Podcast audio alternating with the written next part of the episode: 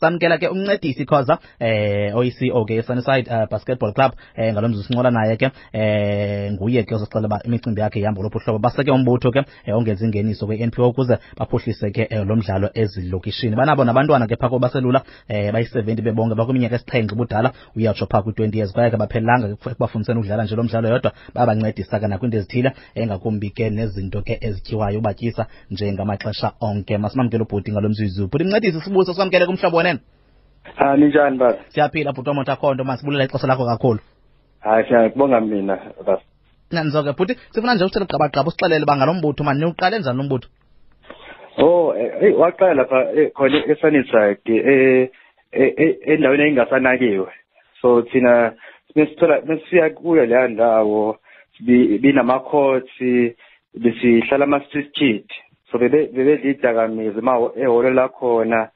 So thina into esiyenzile sa- safike sakhipha lama street kid because sibona potential ukuthi hawo le ndawo inga- ingawuphakamisa umphakathi through sports.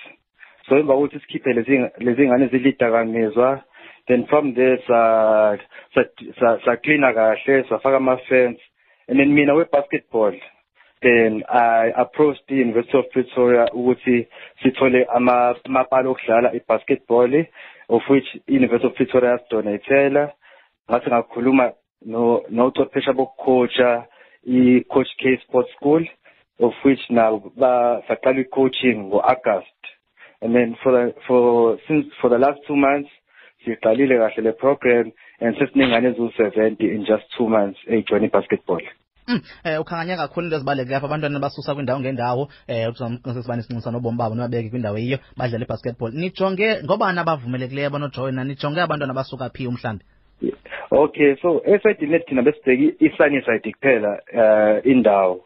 Eyi kodwa be- besingazi ukuthi kukhona isidingo esikhulu kangaka eh kule ku- endawo la yasepitoli mayelana ne-basketball. So iy'ngane eh, eh, la isuka khona zisuka all over pretoria o-atrisv soshanguve ngisho nako-centurion.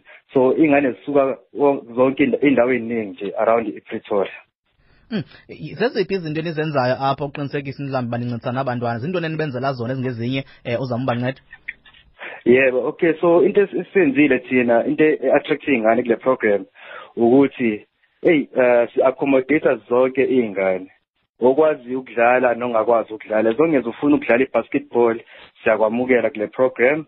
So iy'ngane nje kodwa usushilo ziqala ku-four years and zi- kwi- kwi-program and zi- zifike ku-twenty-one. So si-welcome ngisho na- abafana namantombazane asikhethi kuleyo department kuwukuthi kulaba aba- kwenye into ukuthi mus- musa musa mu- mu- mungakwa- munga- mungakazi udlala i-basketball uzoqala. Siqala ku-step one. Bese kuthi abanye laba sebekwazi ukudlala bona-ke nje si- siya-assess ukuthi bashodaphi sibasize sibasize kancane bona. Kodwa nje thina nje uma ufuna ukudlala i-basketball or ufuna ukuyazi ya siyakwelcome kule kule club yethu.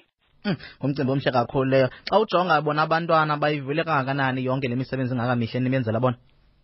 Oh hayi nge- ya- eh, bayijabulela kakhulu because sibanikeza i-option yesinye i-sport eh es- eh, esayidini labo. So because into into engingayisho nje ukuthi i in two months si- siqalile le program sithola iy'ngane eziwu-seventy. So so nginganxusa kakhulu if department of sports usilalele ukuthi singasebenzisana because in two months sikwazi uku-attracta so many iy'ngane in five three to five years isesibambisene kukhulu esingakwenza because sirana le program and uh, sirana with no funding. So if sithola i-funding uh, we can actually make it much bigger. And at the same time enye into uh, futhi engizoyinxusa ukuthi if i belontsha lama-program akanje bawenze njengathi ukuthi ba-accommodate zonke iy'ngane kakhulukazi amantombazane. Thina i-program yethu into- indlela esenza ngayo abafana namantombazane sibadlalisa ndawonye. So iy'ngane zinga- zinga- zingathi zi- zabafana ziyibone zingcono kuna- kunamantombazane. So basically eh uthando lwey'ngane that's what we do on our side ukuthi zonke zibe included and si- singayi-discriminate iy'ngane. Mm, eh, ndithanda kakukhankanya ke nemicimbi othile uqamba eniwudingayo wenkxaso ngakumbi icala lezemali i-funding. Zintoni ezinto nothi kanye icala uba sinofumana mhlawumbi loo funding sifuna ukuncedisa apha sishota apha nalapha nalapha ngezinto ezithile esizisebenzisayo ukuncedisana nabantwana? Oh okay. Uh into enzekile kwamanje i-community because bayibona indlela esenza ngayo i-program basiza ngama-donation. So ama-donation esike eswamukelayo ikit yokudlala. Angithi enye into engiyishilo ukuthi samukela zonke iy'ngane. Khona iy'ngane engasuki emndenini enemali asisho kanjalo. So siyacela abantu abalale ukuthi amateko okudlala uh si ezinye izinto soyidinga like ama-transport because after ama-lockdown protocol so kaya sidlala sidlala ama-game sihambe so kwamanye ama-province futhi ezikhulu iclub sifisa ukuthi siphumele nangaphandle south africa sihambe siy'ngane zibe exposed. Ayivakala kamandi. Ngo-twenty twenty-one um kajanyana nifuna ukongeza ii-programs nibancedise nakumsebenzi wesikolo nezinye izinto. Zintoni into enizijongileyo uzenza uqhubekela ubheka phambili oh okay. So ngiqale la so esayidini lami mina vele mina ngiswa kwi-sports background. So i fully understand ukuthi i-sports zodwa asikwazi ukukhulisa ingane. So thina ngojanuary from january sobe implement ama-program a-over and above i-sports so kula ma-programs okusushile kusiza ngomsebenzi wesikole but also sobe senza ama-workshop which will involve uh, i-leadership training coaching ezempilo reading and writing ne-craftsmanship ukuthi ingane zikwazi ukwakha izinto through izinto ezirecycliwe and then in terms of like ezempilo sizo-communicate no-department of health ukuthi urun ama-workshop aproper from i-department of health iy'ngane zithole leyo training uh, ama-workshop analeyo training from i-department itself umcimbi omhle kakhulu imizuzu ngamashumi abini anesixhenxe phambi kwentsimbi yesibhozo. Sakuphathela inkqubo yakho yezemidlalo. Sincokola nomncedisi khoza um uyi-ceo phake kwi-sunnyside um basketball club. Endiqonda into yobana um bhuli mncedisi basketball lena ndingathi mhlawumbi kanothetha apha emzantsi afrika yenye imidlalo endiqondayo into yobana um ayivelanga kakhulu mani. Yinto enize nayo kodwa ke ungathi mhlawumbi inkxaso okanye indlela enziwa ngayo ayikaxhaswa ngokwaneleyo ncam ncam ncam nakwezinye ke izistructures eziphezulu mhlawumbi okay. No into engingayisho ukuthi uthando lwe-basketball lona lukhona ukuthi izinto kumele size nje kahle. Yabo njenge-program yethu ukuthi sithe size ngenhliziyo ukuthi sifuna ukuthi iy'ngane zithole ulwazi le-game le-basketball so that's the first step. So uma kusuka phezulu fanele uthando luqale libe khona before baqale baqale noma yini. So into engizoyinxusa kubantu abaphathi bethu phezulu abangene ey'khundleni benothando lwe-basketball kuqala and then ezinye izinto zizolandela and igame izokwazi ukukhula ngoba nabo iy'nhliziyo zabo bayayithanda igame. Ibikho iba khona imidlalo enikhuphisana kuyo nezinye iiklabs amanye amaqela akhoyo yebo hayi ikhona kuthiwa manje phela kusane kunama-lockdown protocol uh kodwa i as soon as ama restrictions asethe ukuncishiswa so sidlala namanye ama club around Pretoria and then as the funding ikhuphuka sobe sesiphuma siya kwamanye ama province and wase ngishilo sikafisa ukuthi siyodlala namazwe angaphandle futhi. Xa ukhankanya i-lockdown njalo namacimbi ethile ke enibamba niqhuba njani ukusebenzisana nokuzathu upractice nento nizenzayo ingaba iyanibophelela kangakanani nini?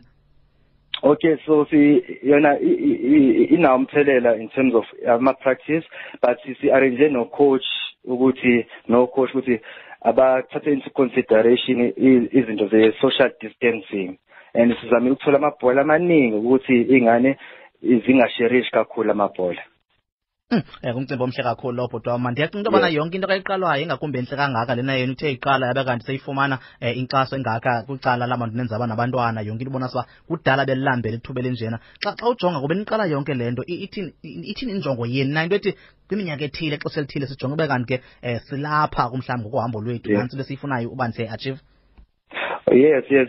So thina i-vision yethu ukuthi la siqale khona because manje sine sine sine sine inkinga ukuthi ingane zisuka kude sezi-attracted le program. So manje into esifuna ukuyenza sifuna ukuyikhulisa siye emalokishini ahlukene around kakhulukazi epretoria ukuthi batshengise ukuthi lento siyenze kanjani. In that way ikhule nase- nasemalokishini amanye around Pretoria khona sona isport ebasketball sikhule sibatshengisa ukuthi thina senze kanjani. Because kona kunzima ukuthi ingane isuke 20 kilometers away ize ize kwe- kweyethu program ngoba ibona iyinhle. So so zanga ukuthi si- sikhulise around am- amanye amalokishi around uh, iPretoria Mm, nifumane kanjani kumuntu onimameleyo nomdla wozojoyina nifumane ngaphi? Okay, so thina i- i- email uh, ye club it's Sunnyside Basketball Club at uh, gmail.com and then uthola na ku Facebook you just search Sunnyside Basketball Club khona-ke uzothola ama-contact details ethu or ungasenda i-message khona kwi-facebook page yethu. Futhi masukubulela kakhulu ngexesha lakho siyabulela ah ngibonge kakhulu baba. Nkosi kakhulu nkosi kakhulu. Lawa ke ibingumfamkhulu um umncedisi khoza uyi-ceo ye-sunnyside basketball club sibalisele umcimbi wabo. Um abawuqhubayo ngumcimbi omhle kakhulu um bazisekele ke umbutho wabo ke ongenza ingeniso i-npo kutsho oko bephuhlisa umdlalo webasketball ke ezilokishini. Batshilo setshilo naye wathi nabantwana ke um sebenza nabo ngoku abafikileyo phaa um kwi-seventy yonke besithi um baqala phaa kwiminyaka